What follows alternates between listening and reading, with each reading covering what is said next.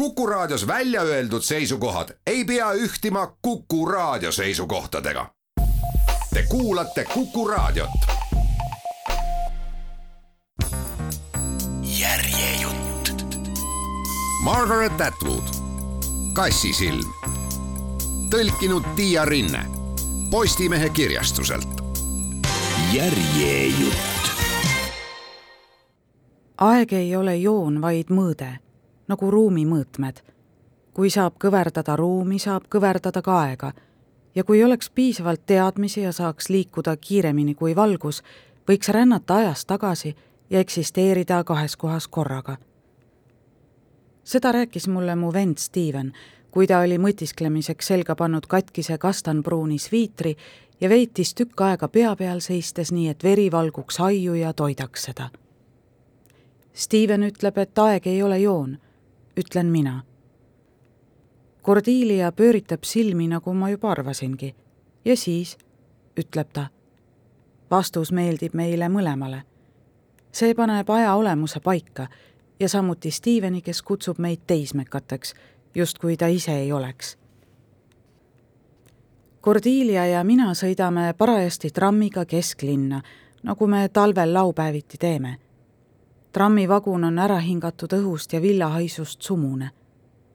Cordelia istub hooletult, nügib mind vahetevahel küünarnukiga ning vahib mõttelagedalt teisi inimesi oma hallikas roheliste silmadega, mis on läbipaistmatud ja helgivad nagu metall.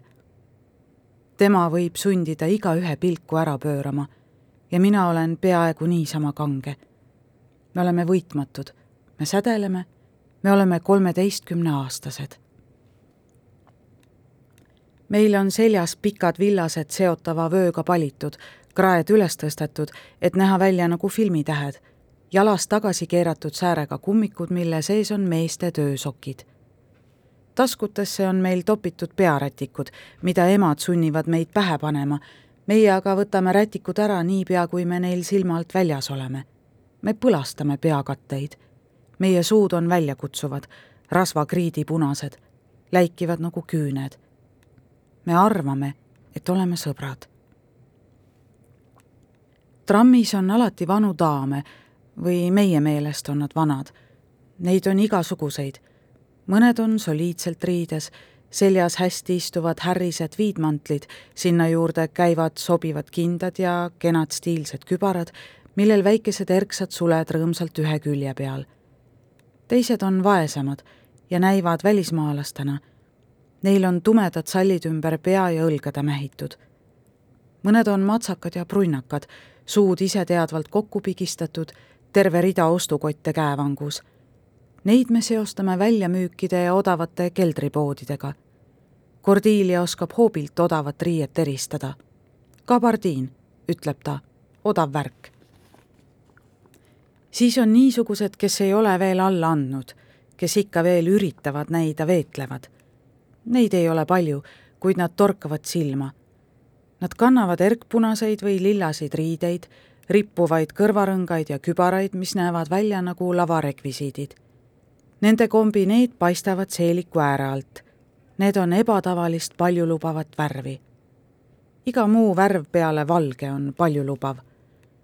juuksed on nad lasknud värvida õlgblondiks või beebisiniseks või mis nende paberkahvatu naha kõrval veelgi ehmatavam, vana kasukavärvi tuhmmustaks. Nende suud on huulepulgaga liiga suureks maalitud, põsepuna laiguline, silmad piiratud väriseva musta joonega. niisugused kipuvad sageli iseendaga rääkima. üks ütleb lammas, lammas, korrates seda ikka ja jälle nagu laulu, teine torgib vihmavarjuga meie jalgu ja ütleb puhta alasti. niisugused meeldivad meile kõige rohkem Neis on teatud lõbusust, leidlikkust.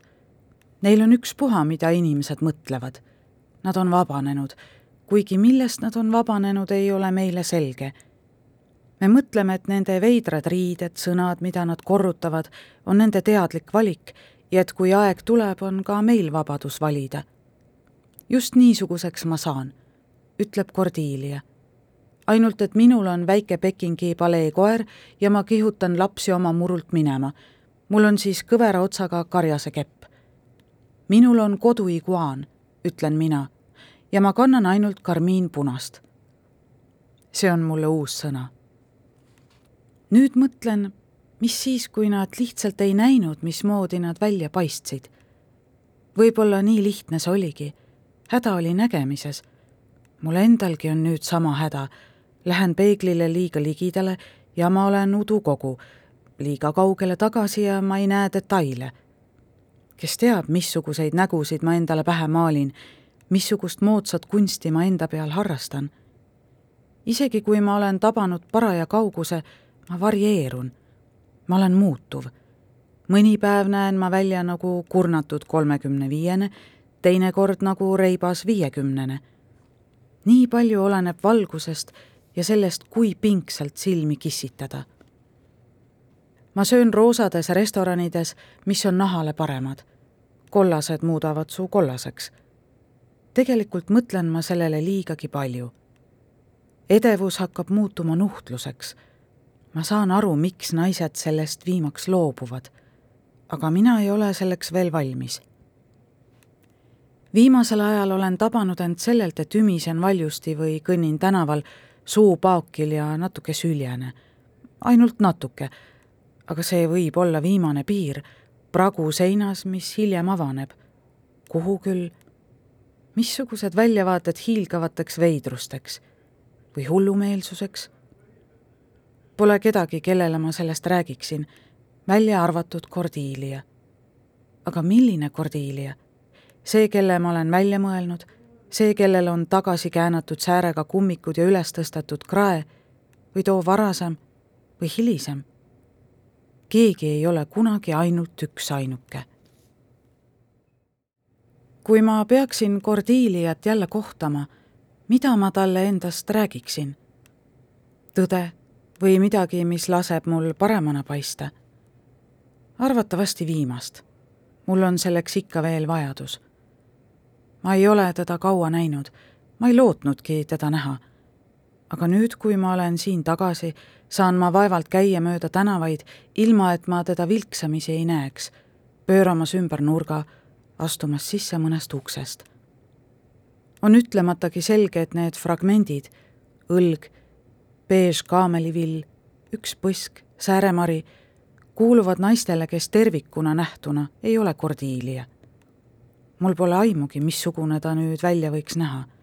on ta paks, on tal rippuvad rinnad, suunurkades hallid karvakesed vaevalt küll, ta kitkuks need ära. kas ta kannab moodsate raamidega prille, kas on lasknud silmalauge tõsta, kas ta triibutab või toonib juukseid? kõik on võimalik. me mõlemad oleme jõudnud niisugusesse piirvanusesse, puhvertsooni, kus võib veel uskuda, et säärased nipid aitavad, kui sa eredat päikesevalgust väldid ma mõtlen, kuidas Cordelia uurib kasvavaid kotte silmade all nahka, mis on lõtvunud ja krimpsus nagu küünarnukkidel. ta ohkab, patsutab nahasse kreemi, mis on õiget sorti. Cordelia peaks teadma, missugune on õige. ta takseerib oma käsi, mis on natuke kuivatunud ja kõverdunud nagu minulgi. Liigesed on muutunud sõlmiliseks, suu närtsinuks, lõua all hakkavad kaelasooned nähtavaks muutuma metroo tumedatel klaasidel keegi teine ei pane neid asju veel tähele, kui teraselt ei vaata. aga Cordelial ja minul on komme teraselt vaadata.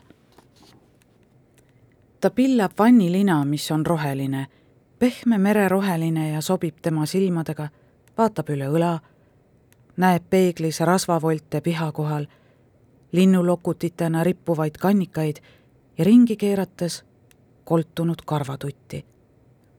ma kujutlen teda dressis seegi on mereroheline, mingis võimlas rassimas, mehe moodi higistamas. ma tean, mida ta selle kohta ütleks, kõige selle kohta. kuidas me itsitasime vastikusest ja vaimustusest, kui leidsime vaha, mida ta vanemad õed jalasäärte peal kasutasid. See oli väikeses topsis kõvaks tardunud, karvad seest turritamas. keha iseärasused olid talle alati huvi pakkunud. ma mõtlen kuidas ma temaga ootamatult kokku põrkan. võib-olla istumas kõnnitee serval, seljas kulunud palitu ja peas kootud müts nagu kohvikannu soojendaja, kaks plastkotti kogu ta maise varaga seal kõrval, pomisemas enda ette. Cordelia, kas sa ei tunne mind ära? ütlen ma. tunneb küll, aga teeb näo, nagu ei tunneks. ta tõuseb püsti ja kooberdab paistetanud jalgadel minema, vanad sokid paistmas katkistest kummikutest. korraks vaatab ta üle õla tagasi saan sellest mingi rahulduse, hullematest asjadest veel rohkem. ma jälgin aknast või rõdult, nii näen ma paremini, kuidas keegi mees all tänaval Cordeliat taga ajab, ta kätte saab, talle rusikaga ribidesse lööb. ma ei taha mõelda, et näkku, ta maha paiskab. aga ma ei suuda kaugemale minna. parem on ümber lülituda hapnikutelgile. Cordelia on teadvuseta mind on kutsutud, liiga hilja, tema haigevoodi juurde. vaasis närbuvad vängelt lõhnavad lilled, torud lähevad ta käsivartesse ja ninna, kuulda on surmaeelseid hingetõmbeid. ma hoian ta kätt. ta nägu on pundunud, kaame nagu pooltoores biskviit, suletud silmade all on kollakad ringid.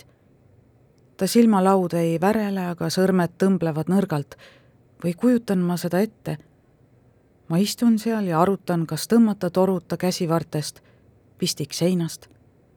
ajutegevus puudub, ütlevad tohtrid. Kas ma nutan? ja kes pidanuks mind kutsuma? veel parem, raudkops. ma ei ole eladeski raudkopsu näinud, kuid ajalehtedes olid pildid lastest raudkopsu sees, ammu aega tagasi, kui inimesed jäid veel poliomüeliiti. Need pildid silindrist raudkops, hiiglasuur metallvorst, kus pea paistab ühest otsast, alati tüdruku pea, juuksed padja peal laiali, silmad suured nagu öösel, lummasid mind rohkem kui lood lastest, kes läksid õhukesele jääle ja kukkusid läbi ja uppusid, või lastest, kes mängisid raudteerööbastel ja rongid lõikasid neil käed-jalad otsast. polio võis saada teadmata kust või kuidas ja lõpetada raudkopsus, teadmata miks millestki, mida sa sisse hingasid või sõid, või said külge mustast rahast, mida teised inimesed olid katsunud. Iial ei võinud teada. raudkopsu kasutati meie hirmutamiseks ja põhjuseks, miks me ei võinud teha seda, mida tahtsime. mitte mingit avalikku ujulat, mitte mingit rahva hulgas olemist suvel. tahad sa ülejäänud elu raudkopsu sees veeta, öeldi meile. tobe küsimus kuigi minu jaoks oli niisugusel elul, liikumatul ja haletsusväärsel, mingi salajane veetlus. niisiis, Cordelia raudkopsus, tema kopse tuulutatakse, nagu mängitakse akordioni. tema ümber käib mehaaniline vihin. ta on täie teadvuse juures, aga ei saa liigutada ega rääkida. ma tulen tuppa, liigun, räägin. meie pilgud kohtuvad Cordelia peab kusagil elama. ta võib olla minust miili kaugusel, ta võib olla otse järgmises tänavas. Aga viimaks ei ole mul aimugi, mida ma teeksin, kui ma temaga kogemata kokku satuksin. metroos näiteks. ta istub minu vastas või siis ootab platvormil, lugedes reklaame. me seisaksime kõrvuti, vaadates üht suurt punast suud, mis on avanenud šokolaaditahvlit hammustama ja mina pöörduksin tema poole ning ütleksin. Cordelia, see olen mina, Elaine. kas ta keeraks pead, laseks kuuldavale teatraalse karjatuse? kas ta ignoreeriks mind? või ignoreeriksin mina teda, kui mulle see võimalus antaks? või astuksin sõnatult tema juurde ja heidaksin käed tema ümber? või võtaksin tal õlgadest kinni ja aina raputaksin? näib, et ma olen kõndinud tundide kaupa mäest alla kesklinna, kus tramme enam ei liigu. on õhtu, üks neid akvarellseid halle õhtuid nagu läbipaistev tolm, millesse linn sügisel langeb. ilm vähemalt on veel tuttav.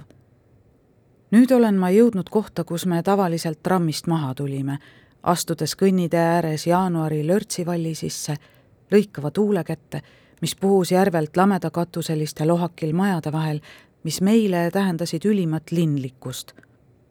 aga see linnaosa ei ole enam madal, lohakile jäetud, vaesusest hoolimata peenutsev. neoontorude kaldkiri ehib restaureeritud tellisfassaade, igalt poolt vaatab vastu klantsitud jõukus, varandus, palju raha. otse ees on tohutud lapikud tornid, üleni klaasist, valgustatud nagu määratu suured külmast valgusest hauakivid. külmunud vara aga ega ma neid torne vaatagi, ka mitte inimesi, kes minust mööduvad oma moodsates ürpides, impordis, käsitsi töödeldud nahas, samsis, milles iganes. ma vahin hoopis kõnniteele, nagu jäljeajaja. ma tunnen, kuidas kurgus pitsitama hakkab, valuviir käib läbi lõuapärade. ma olen jälle hakanud sõrmi närima, veri on väljas.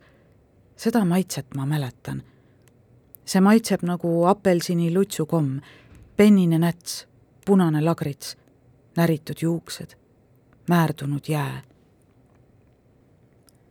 ma leban futoonil kaetud sulgtekiga. futoon, sulgtekk. nii kaugele oleme siis jõudnud.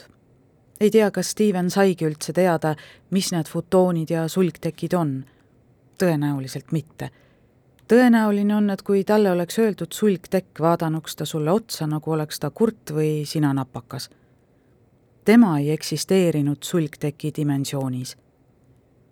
siis, kui ei olnud fotoone ja sulgtekke, oli ühe jäätisetuutu hind viis senti. nüüd saad selle dollariga, kui sul veab, ja nii suur pole see kah.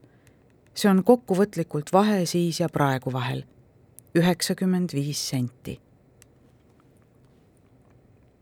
olen oma elu keskkohas. ma mõtlen sellest nagu mingist kohast, nagu jõe keskel, silla keskel, poolel teel, pooleldi üle. mul peaks nüüdseks olema nii mõndagi kogunenud, vara, kohustusi, saavutusi, kogemusi ja tarkust. ma peaksin olema jõukas inimene. aga siia tagasitulekust saadik ei tunne ma ennast kaalukamana ma tunnen end kergemana, nagu kaotaksin ma endast mateeriat, molekule, kaltsiumiluudest, rakkeverest, just nagu tõmbuksin ma kokku, just nagu täituksin ma külma õhuga või vaikselt langeva lumega. kogu selle kerguse juures ma ei kerki, ma langen. või pigem kistakse mind allapoole, selle koha kihtidesse nagu vedelasse mudasse. asi on selles, et ma vihkan seda linna ma olen vihanud seda nii kaua, et ma ei mäletagi tema suhtes mingit muud tunnet. kunagi oli moodne öelda, kui igav see linn on. esimene auhind nädal Torontos, teine auhind kaks nädalat Torontos, hea Toronto, nukker Toronto, kus pühapäeviti ei saanud veini. kõik, kes siin elasid, ütlesid provintslik, enesega rahulolev, igav kui sa niimoodi ütlesid, näitas see, et sa tunned need omadused ära, aga ei ole ise neis osaline. nüüd peaks ütlema, kui palju Toronto on muutunud.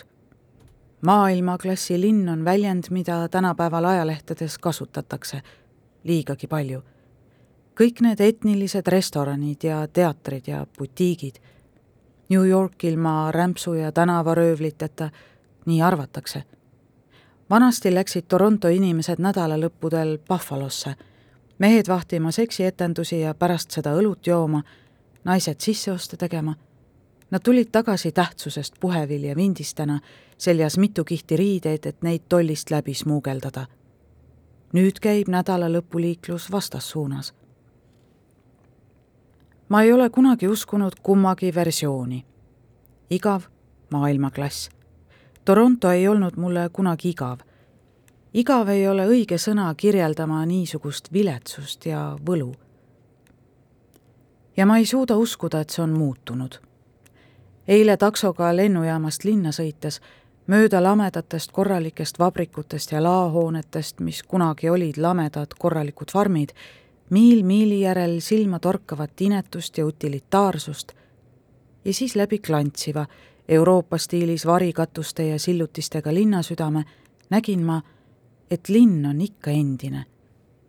uhkeldamise ja suurustlemise taga on vana linn, tänavate kaupa punastest tellistest, jälgivate mõtlike akendega maju, mille portikuse postid on nagu määrdunud valged sitaseene varred. õel, vimmakas, kättemaksuhimuline, leppimatu. Unenägudes sellest linnast eksisin siin alati ära. sellest eraldi on mul muidugi tegelik elu mõnikord on mul raske seda uskuda, sest see ei näi olevat niisugune elu, millega ma toime tuleksin või mille ma ära oleksin teeninud. see käib kokku minu teise uskumusega, et iga minuealine on täiskasvanu, mina aga ainult mängin täiskasvanut.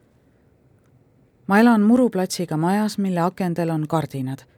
Briti Kolumbias, mis on Torontost nii kaugel, kui ma ilma põhja minemata vähegi minna sain maastiku ebareaalsus seal julgustab mind. igas variandis päikeseloojakulised ja sentimentaalsed piltpostkaardimäed, majakesed, mis näevad välja, nagu oleksid neid ehitanud seitse pöialpoissi kolmekümnendatel aastatel, hiiglaslikud nälkjad, kes on palju suuremad, kui nälkjad peaksid olema. isegi vihm on ülepaisutatud. ma ei saa seda tõsiselt võtta ma arvan, et nendele inimestele, kes seal paigas üles kasvasid, on need asjad niisama reaalsed ja niisama rõhuvad, nagu on minule see koht siin.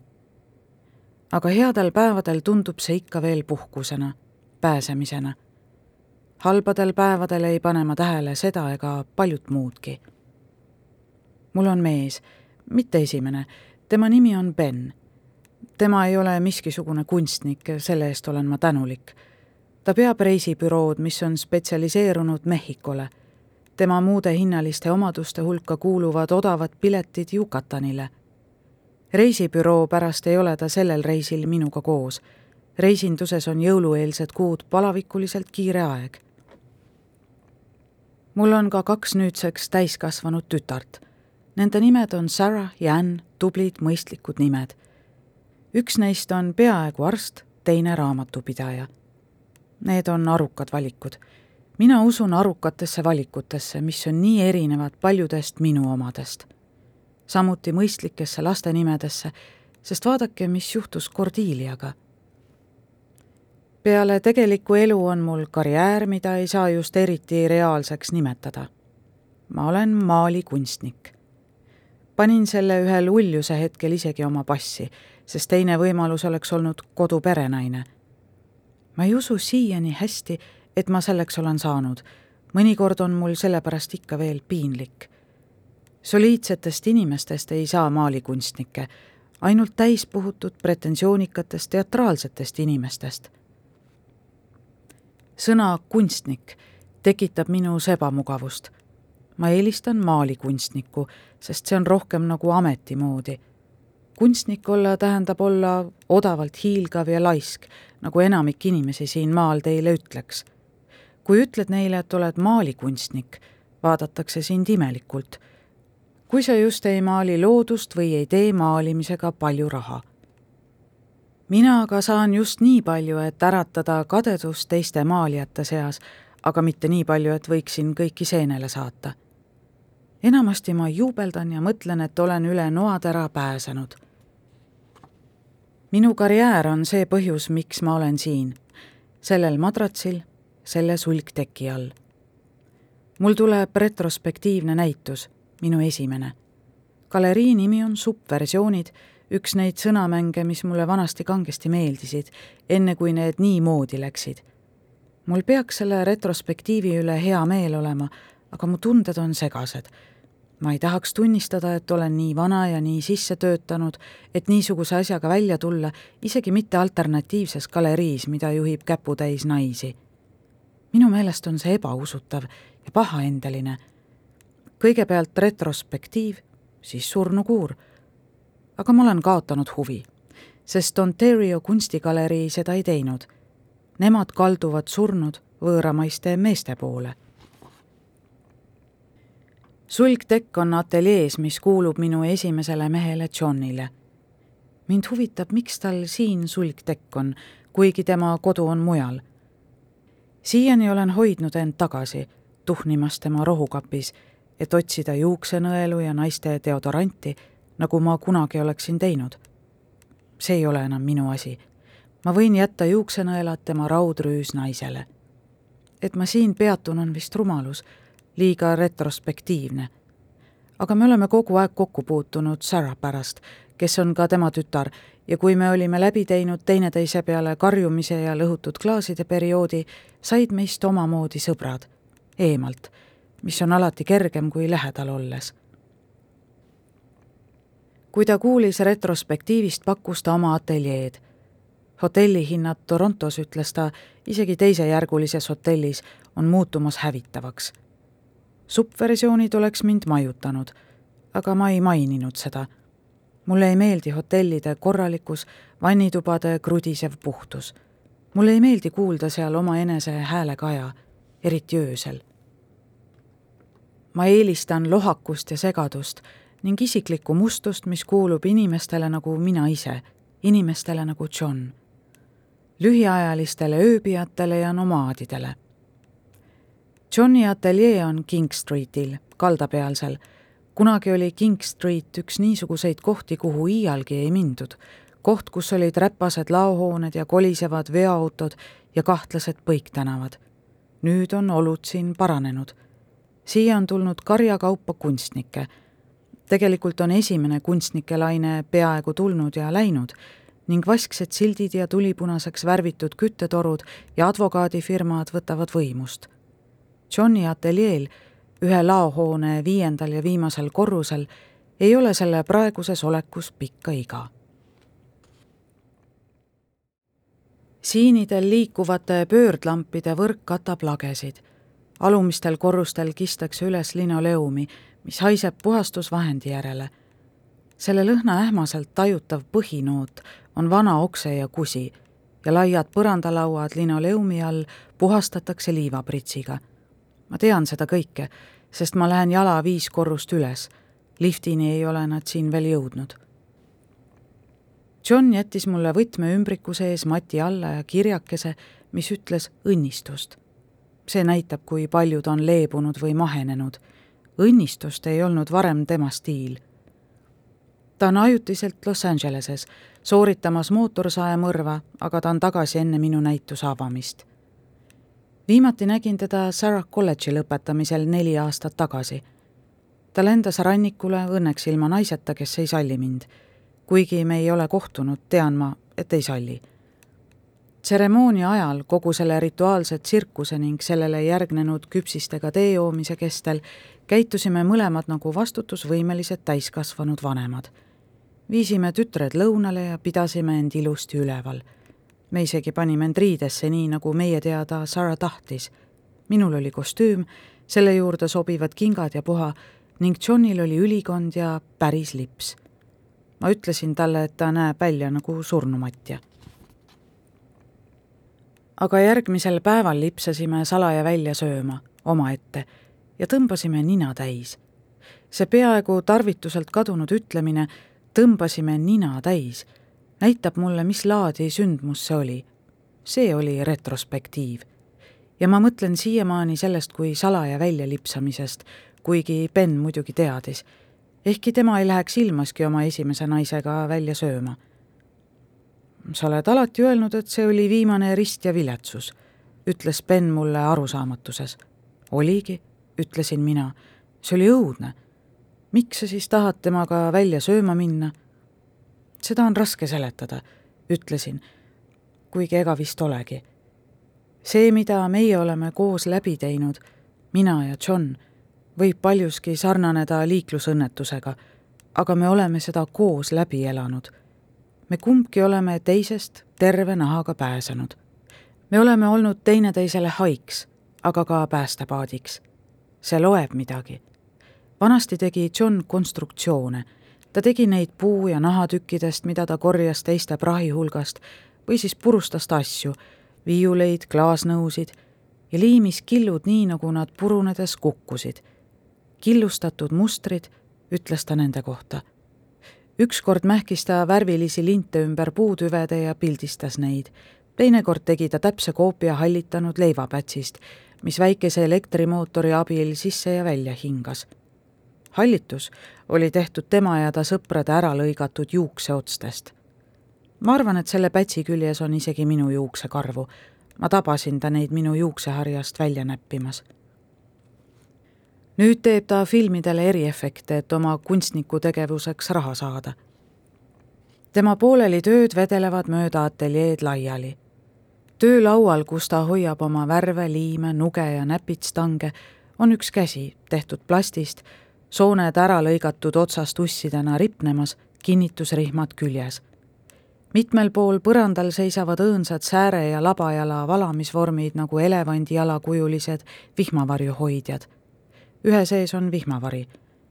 veel on siin pool nägu, nahk must ja krimpsus, see on tehtud näitleja päris näo peale panemiseks koletis, keda teised moonutanud, täis kättemaksu iha. John on mulle öelnud, et ta pole päris kindel, kas see hakitud kerede värk on just see, mida ta tegema peaks. see on liiga vägivaldne, see ei soodusta inimestes headust. vanas eas hakkab ta uskuma inimeste headusse, mis on kindlasti muutus. ma leidsin kapist isegi taimeteed ta väidab, et teeks parema meelega sõbralikke loomi lastenäidendite jaoks. aga nagu ta ütleb, inimene peab sööma ja äralõigatud ihuliikmete järele on lihtsalt kasvav nõudlus. ma soovin, et ta oleks siin või Ben või ükskõik milline mees, keda ma tunnen. mul hakkab isu võõraste järele kaduma. kunagi oleksin ma põnevust ja riski esikohale seadnud, nüüd on see jama, tüütu võtta riideid graatsiliselt seljast, alati igavene häda, mõtelda, mida järgmiseks öelda, laskmata kajadel oma peas keerlema hakata. hullemgi, kokkupuutumine veel muudegi hooldusnõuetega, varbaküüned, kõrvaaugud, ninakarvad. võib-olla peaks selles vanuses pöörduma tagasi liialdatud häbelikkuse juurde, mis meis lapsena oli. ma tõusen sulgteki alt tundega, nagu ma polekski maganud sorin kööginurgas taimetee kotikeste seas, sidruniudu, hommikune äike ja jätan nad kanget, ergutavat, mürgitavat kohvi eelistades sinnapaika. leian end seismas suure toa keskel ja ei tea täpselt, kuidas ma kööginurgast sinna sain. väike ajahüpe, väike stopp-kaader ekraanil, võib-olla ajavahest tingitud, öösel kaua üleval, hommikul uimane algav Alžeimeri tõbi istun akna juures, joon kohvi, närin sõrmi, vaatan viis korrust allapoole. sellest vaatenurgast näivad jalakäijad lapikuks litsututena, nagu deformeerunud lapsed. ümberringi on ainult lamedate katustega kastitaolised laohooned ja neist edasi lagedad raudteemaad, kus rongid vanasti edasi-tagasi liikusid, kunagi siin ainus kättesaadav meelelahutus pühapäeviti sellest edasi on lage Ontario järv, null alguses ja null lõpus. tinahall ja tulvil mürke. isegi sellest kerkiv vihm on kantserogeenne. järjejutt. Margaret Atwood, Kassisilm. tõlkinud Tiia Rinne Postimehe kirjastuselt. järjejutt